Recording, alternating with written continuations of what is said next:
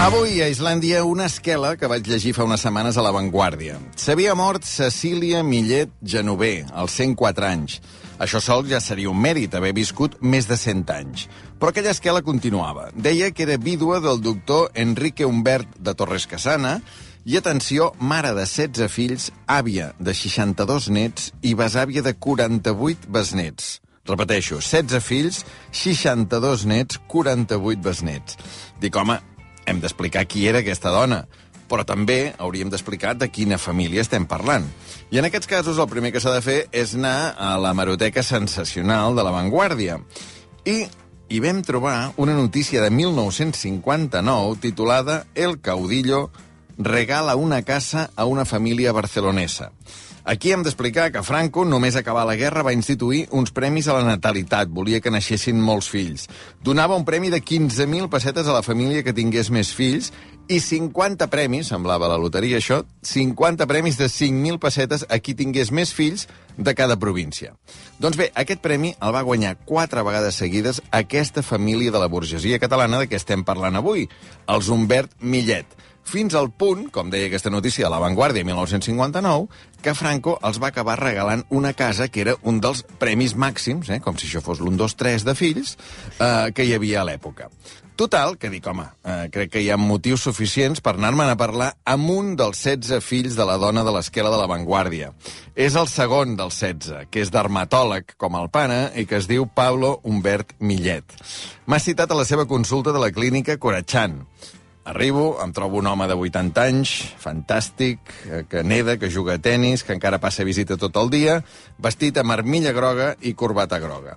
Tot un personatge que ara descobrireu, Pablo Humbert Millet. Atenció a la conversa, perquè comença parlant d'una casa amb 16 fills, de tenir 15 germans, de la seva mare, de qui era aquesta dona que va morir amb 104 anys, i acaba elogiant Jordi Pujol i Ada Colau. Doctor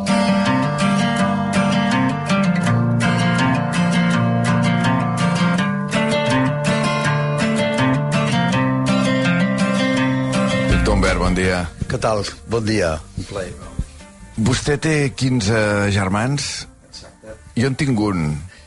No li canvio. Jo, jo tampoc em canvio. Estic molt feliç de tindre els germans. Sí. Com és la, la relació amb, amb un germà quan en tens 15?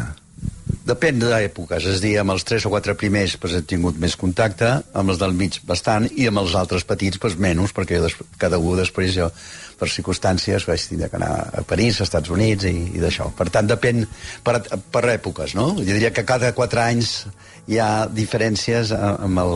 Malgrat que sempre les festes les hem compartides junts, eh, eh, i per tant estem molt, molt units entre tots, no? Uh, això vol dir que la seva mare va tenir 16 fills. Exactament, 16 fills. Eh, eh, jo ara també dic, mare de Déu, com pot ser com pot ser que, que, que aquesta sants, el, meu, el meu pare i la meva mare eh, quina explicació tinc? Més difícil explicar-lo. Jo diria que estàvem molt enamorats, que érem molt religiosos, i per tant jo imagino que la sexualitat anava lligada a la religió i suposo que després, mira, es van tindre a donar vida a un, uns certs nous deu ser algo extraordinari, perquè jo, quan he tingut un fill d'això, doncs mira, imagina't, 16 alegries grosses. I me recordo que després de 8 noies seguides va néixer el Nacho, que també és, és metge com jo, i va ser una festa, perquè després de 8 noies va néixer, va néixer el Nacho. Um, vostè ha tingut ocasió mai de preguntar-li en el seu pare o la seva mare per què veu tenir 16 fills? No he usat a fer aquesta pregunta. No he usat a fer perquè trobo que que sé el que respondria. Ens hem estimat i, i, i, escolta, i nosaltres decidim el que hem de fer. No, no, no he usat fer aquesta pregunta. Habitualment les famílies nombroses, no? amb 10, 12, 14, 16, 20, fins a 20 fills havia sentit, no? Eh, o eren famílies molt modestes, o eren famílies més aviat eh, riques, que tenien diners i amb moltes conviccions religioses. Vostès de, a quin pertanyia? La segona, indiscutiblement. Eh, nosaltres no és que fóssim, perquè la guerra va fer molta maldat a, a tot, els que, van, que tenien patrimoni van poder sobreviure i nosaltres som religiosos i penso que sense cap discussió aquesta segona eh, vertent. No? Mm -hmm. algun dels 16 fills ha tingut 16 fills, ell o ella? No, no, no. El que més, eh, crec que l'Ignasi, que també és dermatòleg com jo, que ha tingut 4. 4. 4 o 5. Un matre, i els altres dos o tres, dos o tres, dos o tres. Tots casats? Tots casats i tots els matrimonis han, han, han anat bastant bé. Amb un, uh, una ha hagut una separació, però crec, penso, s'han tornat a, a juntar, i després una altra. Han hagut dos, una separació del 16. Eh? Però vull dir que les famílies aquestes d'aquí, l'exemple uh, s'ha transmès i realment uh, algú haurà perquè amb l'estadística, si mirem l'estadística, que de 16 solament hi hagi una separació, és una cosa bastant insòlita. Clar, vostè em deia que, que no em canviaria això. Jo, jo dic, vostè té 15 germans, jo un, no em canvio, vostè tampoc es canvia per mi, però clar, tampoc tan bo deu ser tenir 16 germans eh, perquè ningú ha volgut reproduir aquest esquema dels pares, no? Exacte. Uh, uh, això és una cosa inèdita, és una cosa escandalosa, inclús, diria, per mi ara, perquè jo quan vaig anar als Estats Units, jo uh, uh, estava ufà, i jo deia, els, els, els, vaig allà a la clínica, a Mayo, eh, els deia, tinc dir, em miraven que si jo era un africà o era un moro o si era eh, d'una cultura... Eh, els americans estaven esgarrifats, no en tenien. Però clar, em veien ben vestit, tenia una bona cultura, i els deia que tenien carreres universitàries entre tots els germans, i al final, pues sí que... Però realment em, em tenien molts com un... com si vingués d'Àfrica, eh? Vostè creu que tenir 16 fills és de poca cultura? Avui dia jo diria que sí, perquè és impossible eh, tirar eh, endavant. La en tot el seu moment i d'això va haver una guerra, va molta mortalitat, Espanya necessitava gent, el govern ajudava a tindre fills, cosa que ara seria interessant, eh, que, que tindre més fills, i per tant en aquell moment jo penso que no podem ara. Ara en aquest moment seria un disbarat. Com dormien 16 fills en una casa? Doncs pues mira, en lliteres, en lliteres. Eh, en lliteres, a l'espai es pot... Eh, en lliteres. I, i d'això el pis de deputació va ser just, però no érem 16, perquè després van vindre els altres, però érem 7 o 8 o 6, perquè em costa a mi saber quants eren quan vivíem al carrer Diputació. Si vivien en un pis, primer, En un pis al carrer Diputació, i nosaltres vam viure l'encant de l'Enxample d'aquella època. Recordo ja els anys 50 i pico, eh, que després de la guerra i d'això, i que va ser també una època preciosa de Barcelona. El seu pare era metge, vostè també és metge, dermatòlegs, no? aquesta nissaga de, de dermatòlegs, els Humbert, però eh, m'he d'imaginar aquells metges d'abans que al mateix pis, aquest del carrer Diputació, n'hi havia tants nanos, era el pis on visitava? Sí, sí, sí, era el pis d'on visitava, i clar, i que ve silenci, eh, i el papà eh, visitava a la part de, de, del carrer Diputació, amb dues sales, sala d'espera i d'això, on tres, el pis eren bastant grans, i allà ell pues, eh, tirava, s'ocupava, malgrat que en aquella època la medicina privada era mínima, eh? i entonces ell visitava la Renfe, la Telefònica, pobre home, treballava com un boig per poder arribar a fin de mes, no? Uh, per dutxar-se, com ho feien per dutxar-se? En fila. De posàvem en fila, dutxava, pim, pim, pam, un darrere de l'altre. Sense parar l'aigua, no? Sense parar l'aigua. Sense aquí, sí, sí, sí. I, i d'això. Clar, eh, eren moltes nenes i pocs nois, no barrejaven nenes d'això. No recordo exactament, perquè jo sí que recordo que la meva àvia, que vivia al carrer València, la Pilar de Torres Casana, i de Rial, a, a tenir, el primer bany que vaig fer a la meva vida, a casa de la meva àvia, una banyera. Vaig descobrir que això, que és meravellós, la banyera vaig descobrir això als 8 o 9 anys, que era una banyera. Quina meravella. Continuo sent un amant de la banyera Uh, no, uh, ara em dutxo a Barcelona, però quan estic fora a la Garrotxa o així, la, la banyera cada matí és, és, és fantàstica.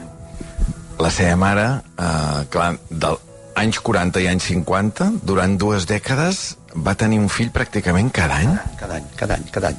Per tant, la mamà és increïble, perquè la salut que tenia fins, fins als últims dies era impressionant. Com pot ser que una dona que ha donat tanta vida estigui bé? Quina és l'explicació mèdica al respecte? El Soso no tenia cap os descalcificat. Els metges es quedaven d'això. No ha tingut cap malaltia mai.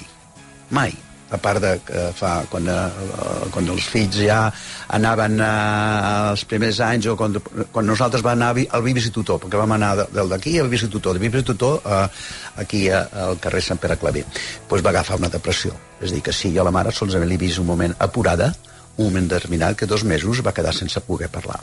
Per una depressió? Per una depressió. Però no l'he vist mai més deprimida. Ah, clar, imagina't, no? 16 parts, no? I, I acabes la vida amb tanta salut. Sí, sí, tanta salut, tanta salut, eh? I tu imagina't que eh, la meva mare eh, eh, estava al tanto de tot, però va un moment que potser les seves forces no hi arribava. Per això eh, molts que, que van de les nenes, sobretot, les van enviar a la seu d'Urgell, a les monges, per alliberar una mica aquesta pressió a dins de, de casa, no? He trobat, eh, no sé si el té vostè, he trobat un retall de l'avantguàrdia de l'any 1959, quan els seus pares acaben de tenir la setzena filla, que em sembla... De crec. No? Va ser pot ser, pot ser. Exacte. 16 fills i que eh, el, el títol és que Franco els dona una casa, els va regalar una casa per tenir 16 fills, perquè hi havia, això que deia vostè ara, el Premi Nacional de Natalidad. No? Exacte, i recordo això que anava, que jo, que la Real Acadèmia de Doctors, que aquí tenim les sessions allà, a l'escala aquella, les medalles de la mamà. Era el govern espanyol per tant, qui comanava aquella aquí en aquell moment, desafortunadament era un personatge, que cosa que avui dia és impensable. Però el govern espanyol premiava sempre un premi nacional, que no era gran cosa perquè, clar, per comprar la casa eh, nosaltres, el papà va anar a Madrid, tenia les seves relacions, i va aconseguir que aquests diners els pogués ell posar més dels seus per tindre un lloc apropiat. Nosaltres no volíem viure a la bordeta, parlant clar. Eh? Llavors ens feia il·lusió viure a Sarrià, que sempre hem viscut allà, i llavors el papà pues, eh, va posar diners i la meva àvia, que era, tenia més poder econòmic, pues, amb l'ajuda de la família van poder. Però el meu tiet, el senyor Batlló, la fàbrica de ceres, que era un home industrial molt important, president del, del Banco Industrial, i diu, Enric, estàs boig. I el papà un moment ho va passar malament, va agafar un infart. És a dir, de tant pencar, no se'n va anar a l'altre món, de miracle. Imagina quin desastre, quina falta de responsabilitat, a tindre 16 fills, deixar-nos penjar que d'això. És dir, que em costa a vegades entendre com la irresponsabilitat en aquell moment no tenia... Ell tenia una fe en si mateix, era una, una, una bèstia de treball, d'optimisme, mai es va queixar en res, és dir, que era un personatge únic. Mm? Fa uns dies, re, fa unes setmanes, vaig descobrir una esquela, no?, que és l'esquela de la seva mare quan va morir, Cecília Millet Genover, 1918-2022, una dona de 104 anys, viuda del doctor Enrique Humbert de Torres Casana, mare de 16 fills, àvia de 62 nets i besàvia de 48 besnets. I dic, home, algú m'ha d'explicar la història d'aquesta dona.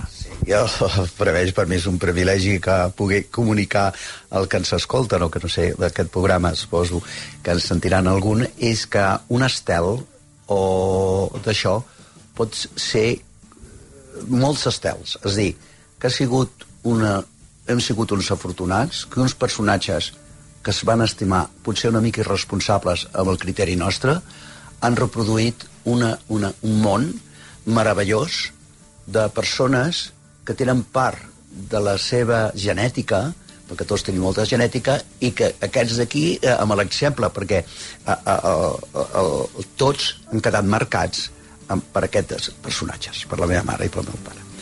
I aquestes persones estan irradiant de moment, perquè jo veig exemple de treballadors, respectuosos, amants del seu país, eh, amb ganes d'aquí, i l'exemple. L'exemple és importantíssim.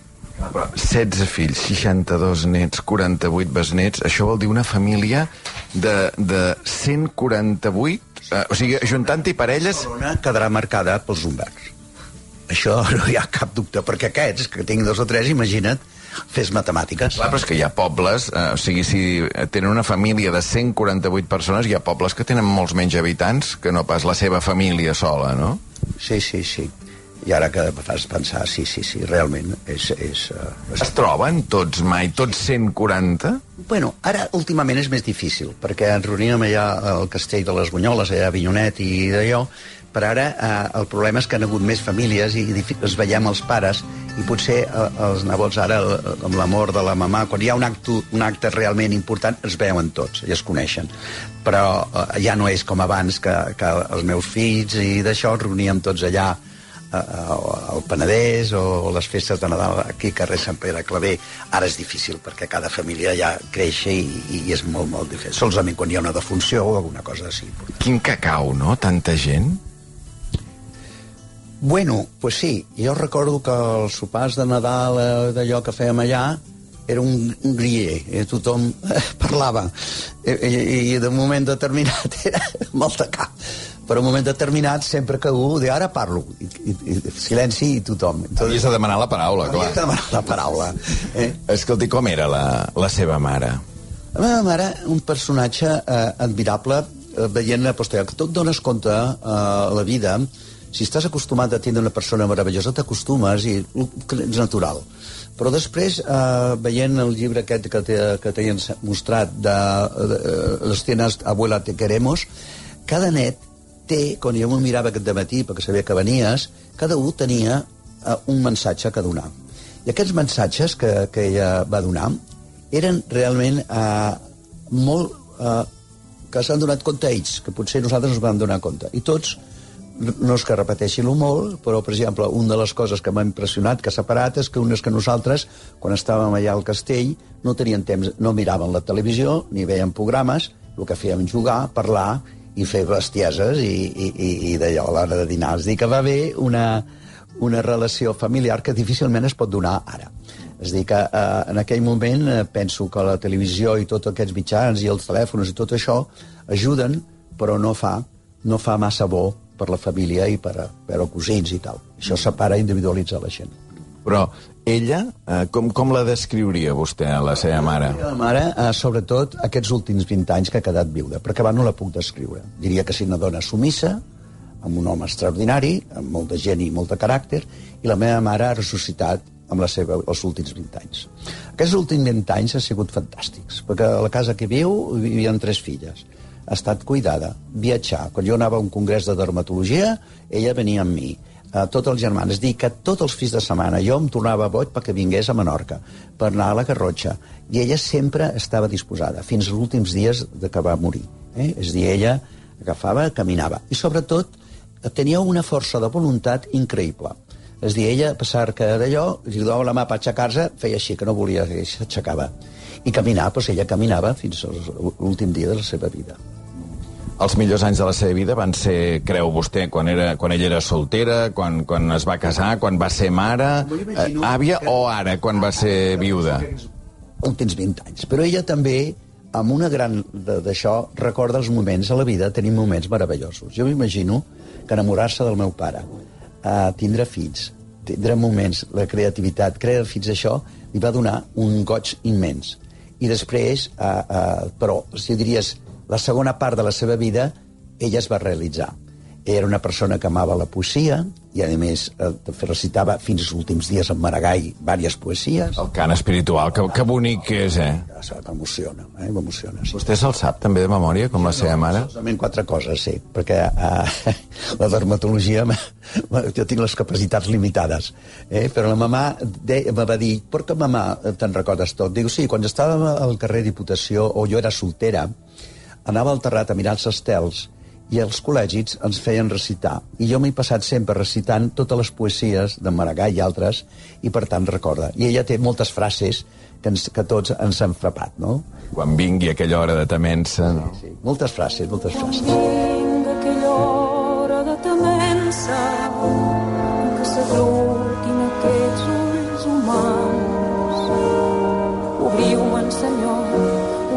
de més grans per contemplar la vostra fam. Ella sempre sentia música, li agradava molt la música. A l'època del papà jo no sabia el que era la música. Eh? La vaig descobrir jo amb els meus cosins Ripoll, allà a Torres Genover, allà a Masnou, en què posava música clàssica. Eh? Perquè de petit nosaltres no sabíem el que era la música. Per tant, una dona culta, la seva mare. Una dona culta.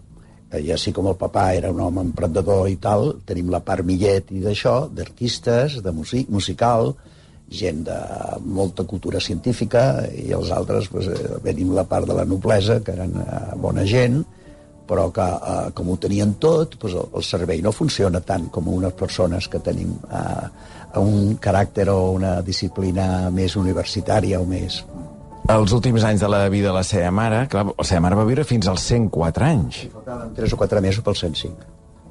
Sí, sí, sí. I últims dies... Vostè quants anys té ara? Uh, jo ja he passat... Uh, jo dic, ara faré... He fet 80. Però clar, és que també se'l veu, eh, se'l veu molt jove. Bueno, se- veu jove perquè això hi ha la genètica. La genètica. I després avui, abans de vindre, avui no he anat a l'hospital a fer la classe que faig dos dies a la setmana, i avui aquest matí a les 8 he jugat a tennis. A casa doncs, hi ha una pista de la comunitat, i després a la una, si pot, vaig anar al tennis Barcelona. I després, eh, el que m'adona... Això vol dir que va camí cap al 105, també, vostè. Ho deixo mans d'aquí. Eh, Jo diria que ho desitjo eh, amb bona qualitat de vida, prenent l'exemple de la mare. Per tant, un- dels missatges que es dona a la mamà és que els anys se'ls posen uns, hi ha una, una part que és genètica, però també una persona que estigui estimulada que a la feina jo no, per res del món, me'n vaig a cap viatge, a mi m'agrada anar a l'hospital i veure els meus malalts, que jo torno boig pels meus malalts, no ho canvio per res. Per tant, si tu t'enamores d'això, t'allarga la vida. Jo em veuria vell i fotut si estigués mirant la televisió i, i sense d'allò. Per tant, em dóna molta pena que gent jove eh, els facin plegar que això és injust. Nosaltres tenim una professió... Gent jove, què es refereix? Gent de 65 anys? O, o dels 50 que retiren, hi ha gent que d'allò no entenc, tu, no entenc. No, perquè vostè, vostè m'ha citat avui el, el despatx de metge, el despatx de doctor, amb 80 anys. El meu programa serà de 11 a 1, a la 1 aniré a nedar, a, a, vaig a dinar a casa, dino en 20 minuts, faig migdiada, i a les 4 fins a les 8 de la nit. I el, Visitant. vi, vi, visitant, però que és una visita meravellosa perquè no solament veig la pell i d'això, sinó que tot. Jo em quedo...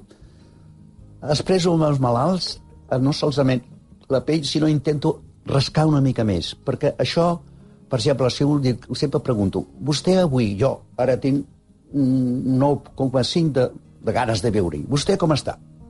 Si em diu un 5, dic, miri, vostè no sortirà d'aquest despatx que tingui un 7. De tal manera que jo intento, perquè molts venen perquè estan desesperats, que han anat altres. Eh? I potser la formació meva doncs, em permet potser fer diagnòstics una mica més apurats i, i d'allò. Per tant, eh, eh, és fantàstic. És dir, que jo eh, tinc un goig tremendo, el que passa que tinc la tristor perquè vaig perdre un fill fa 4 anys. I això fa que els meus malalts siguin la meva medicina. Això fa que el deport sigui aquí. I també fa que Jesús em doni la llum per tirar endavant. I caminar, i caminar, perquè ara vaig aquí i caminant he descobert una cosa que no havia vist mai.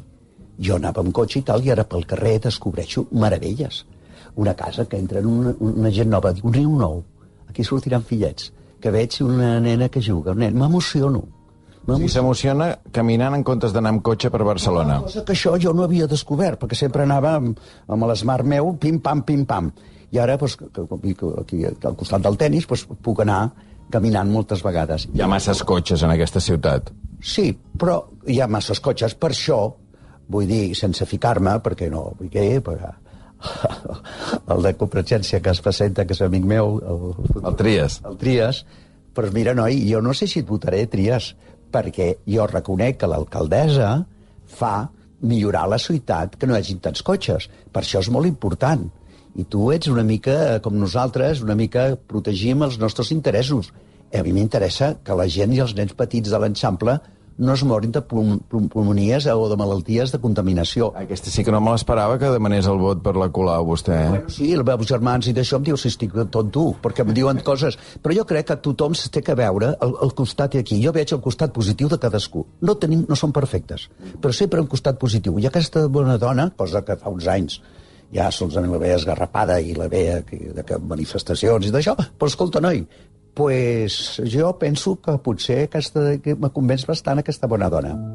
Perquè políticament la seva família com la definiria? Nosaltres diria que venim d'una professió liberal i, per tant, nosaltres, com els catalans, eh, eh, no creiem en l'Estat. Creiem en l'esforç nostre. Els bombers eren fabricants de teixits, el papà dermatòlegs, els altres músics, mariners... Per tant, eh, diria que era a Catalunya el que era Esquerra Republicana, que era la Lliga. I, sobretot, aquest d'aquí. I aquesta influència ha sigut molt important. Però ara a la meva família hi ha una disparitat terrible. Els que viuen a Madrid són totalment d'allò, ens posem... Això és l'única discussió que tenim, no? Que hi ha uns que són, jo diria, de, de dretes, no? Uh, jo, en realitat, era més... Jo era admirador de Jordi Pujol, perquè jo feia cursos internacionals i venia sempre, era un home extraordinari. Jo, Diu era, és viu, Jordi Pujol. Pues jo, mira, uh, ha fet disbarats i, i no, no se li pot perdonar moltes coses, però ha sigut un home extraordinari per Catalunya.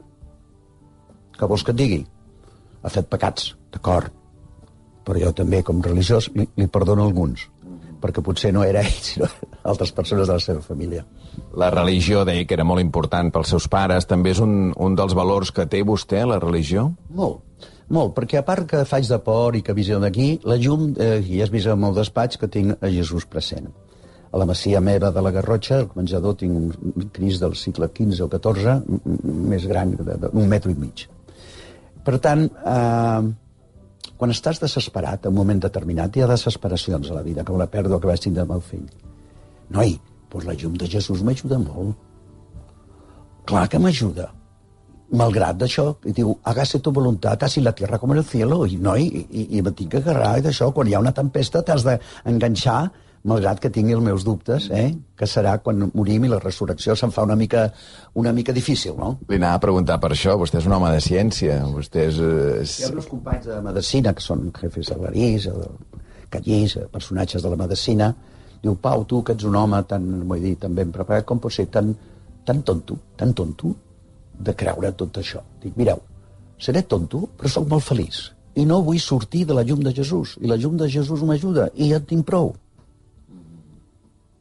Encara que científicament, no, amb els coneixements que vostè té, digui, escolti, quan, quan s'acaba... O, sigui, o sigui, la seva mare, vostè ara, on se la imagina, la seva mare que s'acaba de morir? De l'eternitat.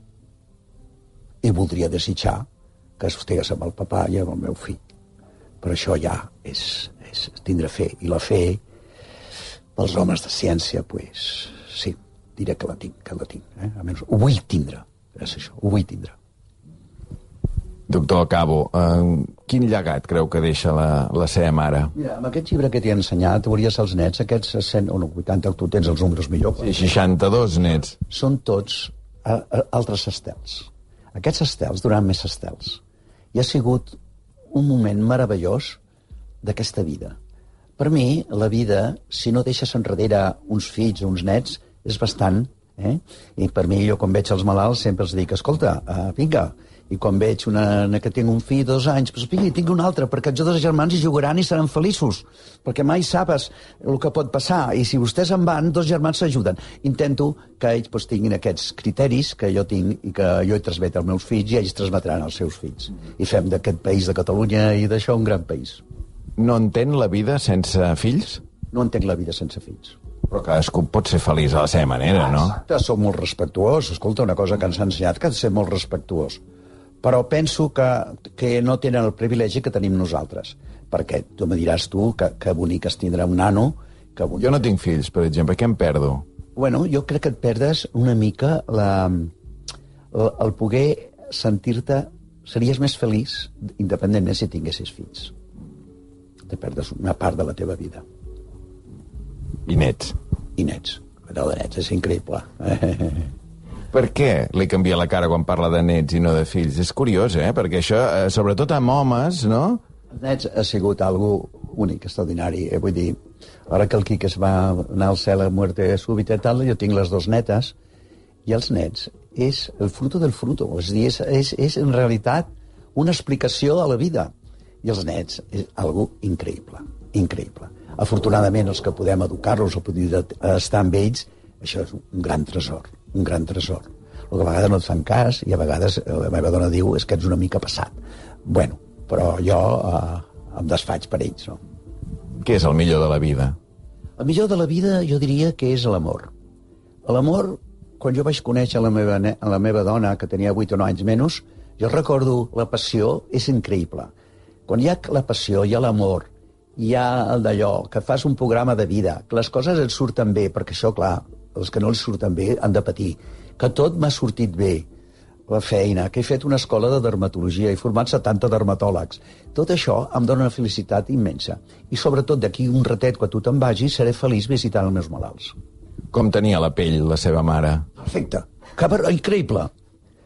La meva germana gran, la Cecília, quan les seves amigues me les envia aquí, dice, Cecilia, eh, una de les amigues, com que tienes la piel? Es que voy a visitar a mi hermano Pablo. Va, escolta, jo tinc les meves, però la genètica és el que dona, i els cuidados. Hi ha tres coses, la genètica, hi ha els cuidados romaters, un de l'Ebro que recolleix eh, d'això, i el cuidado de la pell, i això és fonamental. Vostè, quan deu veure una persona, el primer que deu mirar és la pell, potser, no? Vaig despullar lleves de peus a cap. Això vaig... No, no, però, jo- o sigui, ja no el pacient, eh? Vull dir, per exemple... Els ulls, els ulls.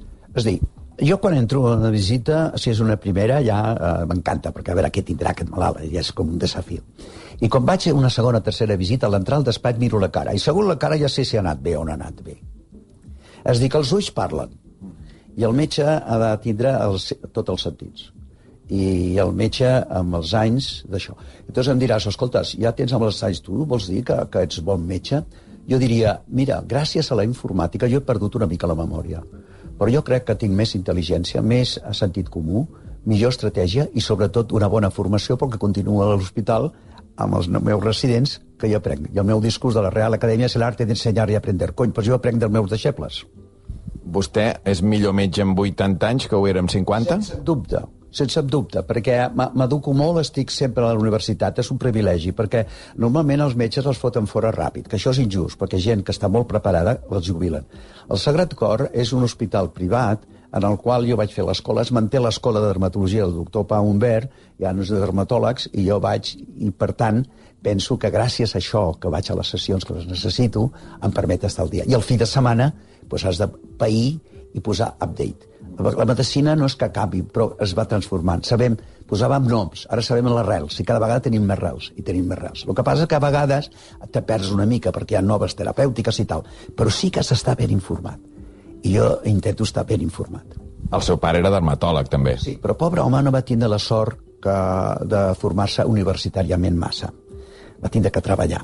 Però era un home molt més intel·ligent que jo, molt més pràctic, i va fer una gran...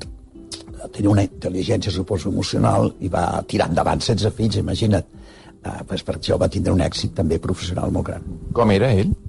El papa era un home de 100 quilos, és un home eh, eh, que tot era una mica primitiu, en el sentit que el seu caràcter eh, feia que no estava per punyetes, i, i, i en aquella època pues, tenim històries increïbles d'aquest home, no? que anava amb el nou al tren, eh, no havia puesto, i, i ell per la finestra va posar la maleta, i un senyor, quan va arribar, li va treure. I, lo siento, diu mi padre, la, la, estem al puesto, agafat. No, senyor, jo he arribat i tal. Diu, ni anirem ni vostè ni jo li va pagar dos hòsties i entonces va trucar la policia, volem anar a la presó. I ara, Cecilia, siéntate i es va anar a la mamà cap a Masnou. I es va anar a la comissaria amb aquest tio. Amb, amb aquest. Però la mamà va anar amb el tren. I t'ho podria explicar mil d'històries. He vist un dibuix de Dalí aquí fora, esperant-me. Sí. Jo, quan estudiava medicina, el Dalí, papà el visitava, i a mi em frapava molt aquest home, que diu, home, em pren el pèl, perquè mentre el papa li treia berrugues explicava històries de que seria eterno, que el rinyó, dic, o m'està prenent el pèl o aquest tio és tonto. Me Què deia, què deia el Dalí? el Dalí deia que Enrique, yo viviré muchos años, ponme bien, porque yo me pondré el corazón, me hibernaré y, tendré, y me tendrás a mí de cliente muchos años. I el papa, ah, muy bien, muy bien. I jo dic, aquest tio està boig, aquest tio. Aquest està boig. Però era molt afable i va fer moltes migues amb el papà. I un de les resultes d'això va fer aquest dibuix, que és un Quijote grande, que és el papà, con 16 Quijotes. Es va oblidar de la mare, perquè la meva mare no existia per aquest senyor. El papà admirava, el, el Dalí admirava el papà. Quin greu, eh, que les dones quedaven totalment esborrades, eh? És que ho ha dit dues o tres vegades, no? que la seva mare era molt sumisa. Sí, que sí, que sí. Però, escolta, eh, el que t'he dit, el moment històric d'aquell moment i d'allò, i, i jo miro els resultats. Tu, jo sóc pragmàtic, una mica... Amb, no m'agraden massa els americans, però eh, amb la cosa de la feina sí. Pues, sí, pragmàtic, èxito, punto. Doctor Pablo Humbert, m'ha agradat molt conèixer-lo, de veritat. I jo ara sé qui sou, la teva cara ja la tinc molt vista, i, i per tant, eh, per mi ha sigut un privilegi. El que desitjaria que els que s'han sentit em perdonin si dic algun missatge que els hi pugui frapar, però que sàpiguen que tindre fills, tindre nets és una meravella i sobretot us ajuda a, a ser feliços amb aquesta vida. Molta sort. Gràcies.